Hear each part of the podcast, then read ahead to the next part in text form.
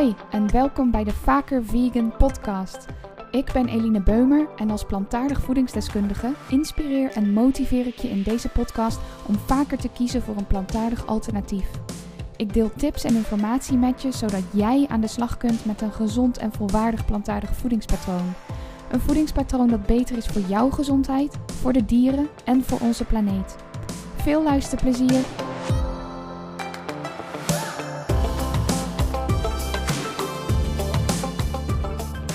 Yes, welkom bij deze tweede aflevering.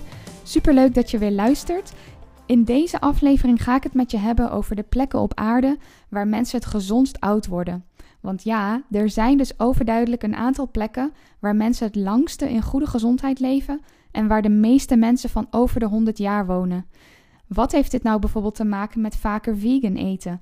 Daar ga je in deze aflevering dus achter komen. De plekken waar ik het over heb zijn de Blue Zones en die zijn meer dan 20 jaar geleden ontdekt door een Amerikaans journalist, Dan Butner. Die heeft daar bijvoorbeeld ook een uitgebreid boek over geschreven. De Blue Zones zijn vijf plekken op aarde waar mensen dus langer en gezonder leven. En nu ben je natuurlijk benieuwd waar die plekken zijn en hoe ze daar leven.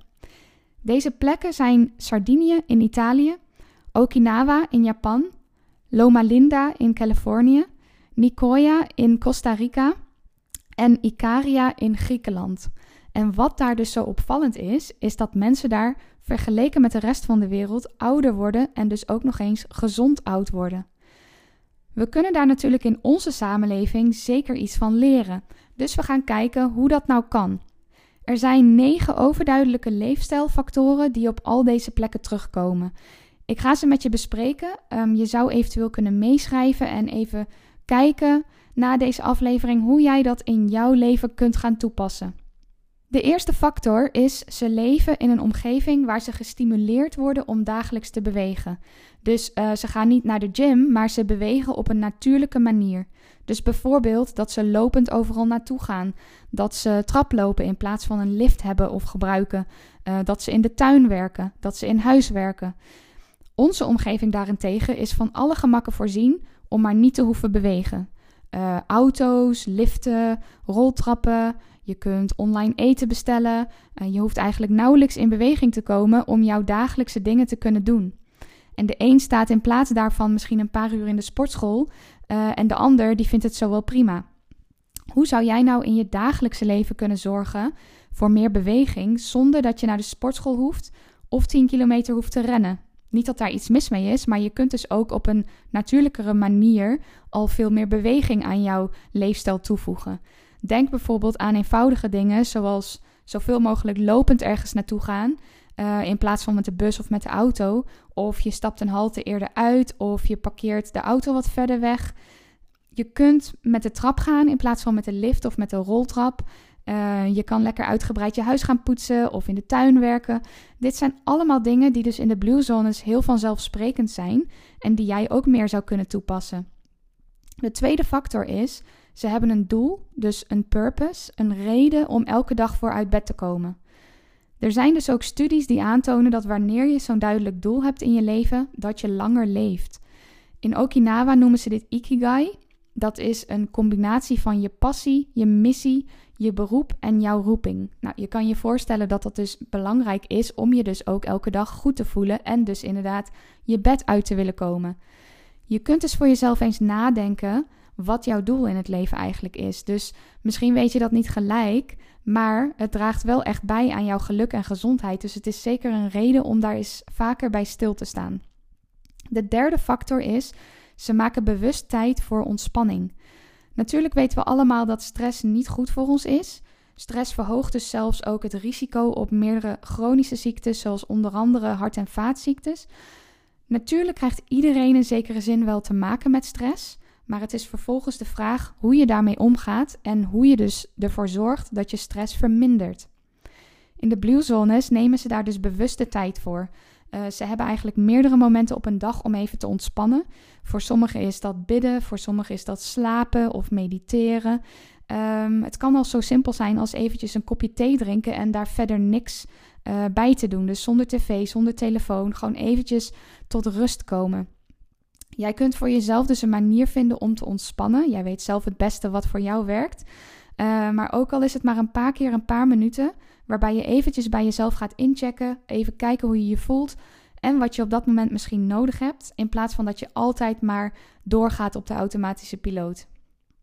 De vierde factor is dat ze stoppen met eten wanneer ze comfortabel verzadigd zijn, dus bij ongeveer 80%.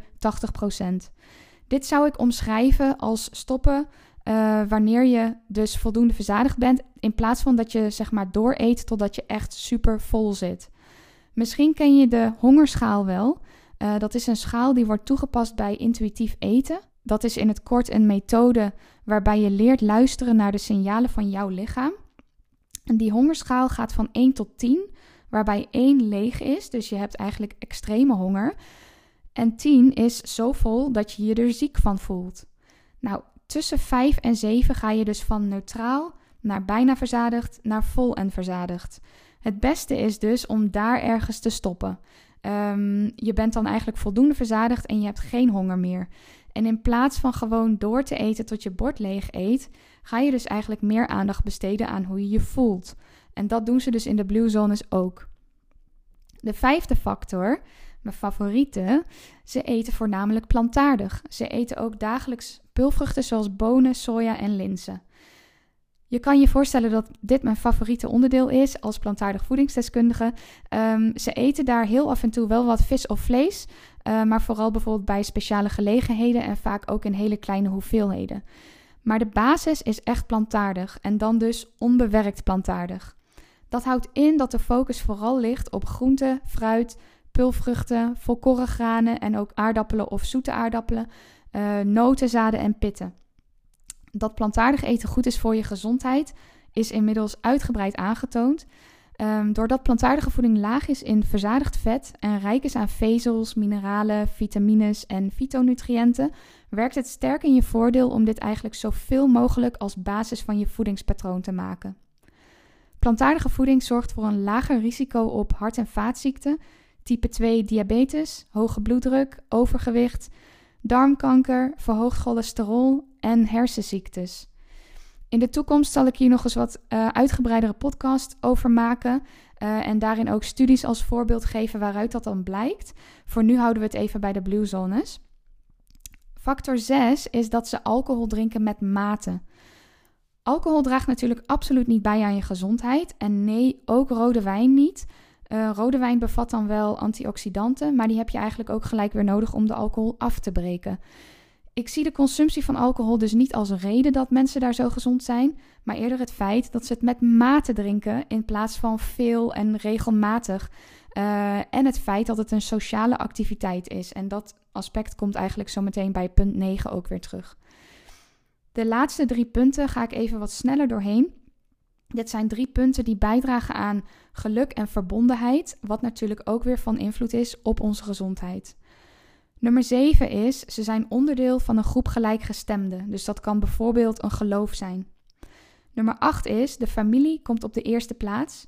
Dus ze wonen vaak bij elkaar in de buurt en ze zorgen voor elkaar. Hè? Dus ook de kinderen die later voor de ouders en de grootouders zorgen. En als laatste, nummer 9, ze hebben voldoende sociale contacten. Nou, je kan je natuurlijk goed voorstellen dat dat ook een hele grote invloed um, heeft op hoe jij je voelt. Dit zijn dus negen punten die daar duidelijk terugkomen en die bijdragen aan een lang en gezond leven. Ga nou eens kijken hoe jij deze punten nog meer in jouw leven zou kunnen implementeren. Om plantaardig eten maar even als voorbeeld te nemen, uh, kun je natuurlijk stapje voor stapje meer plantaardige voeding aan jouw voedingspatroon gaan toevoegen.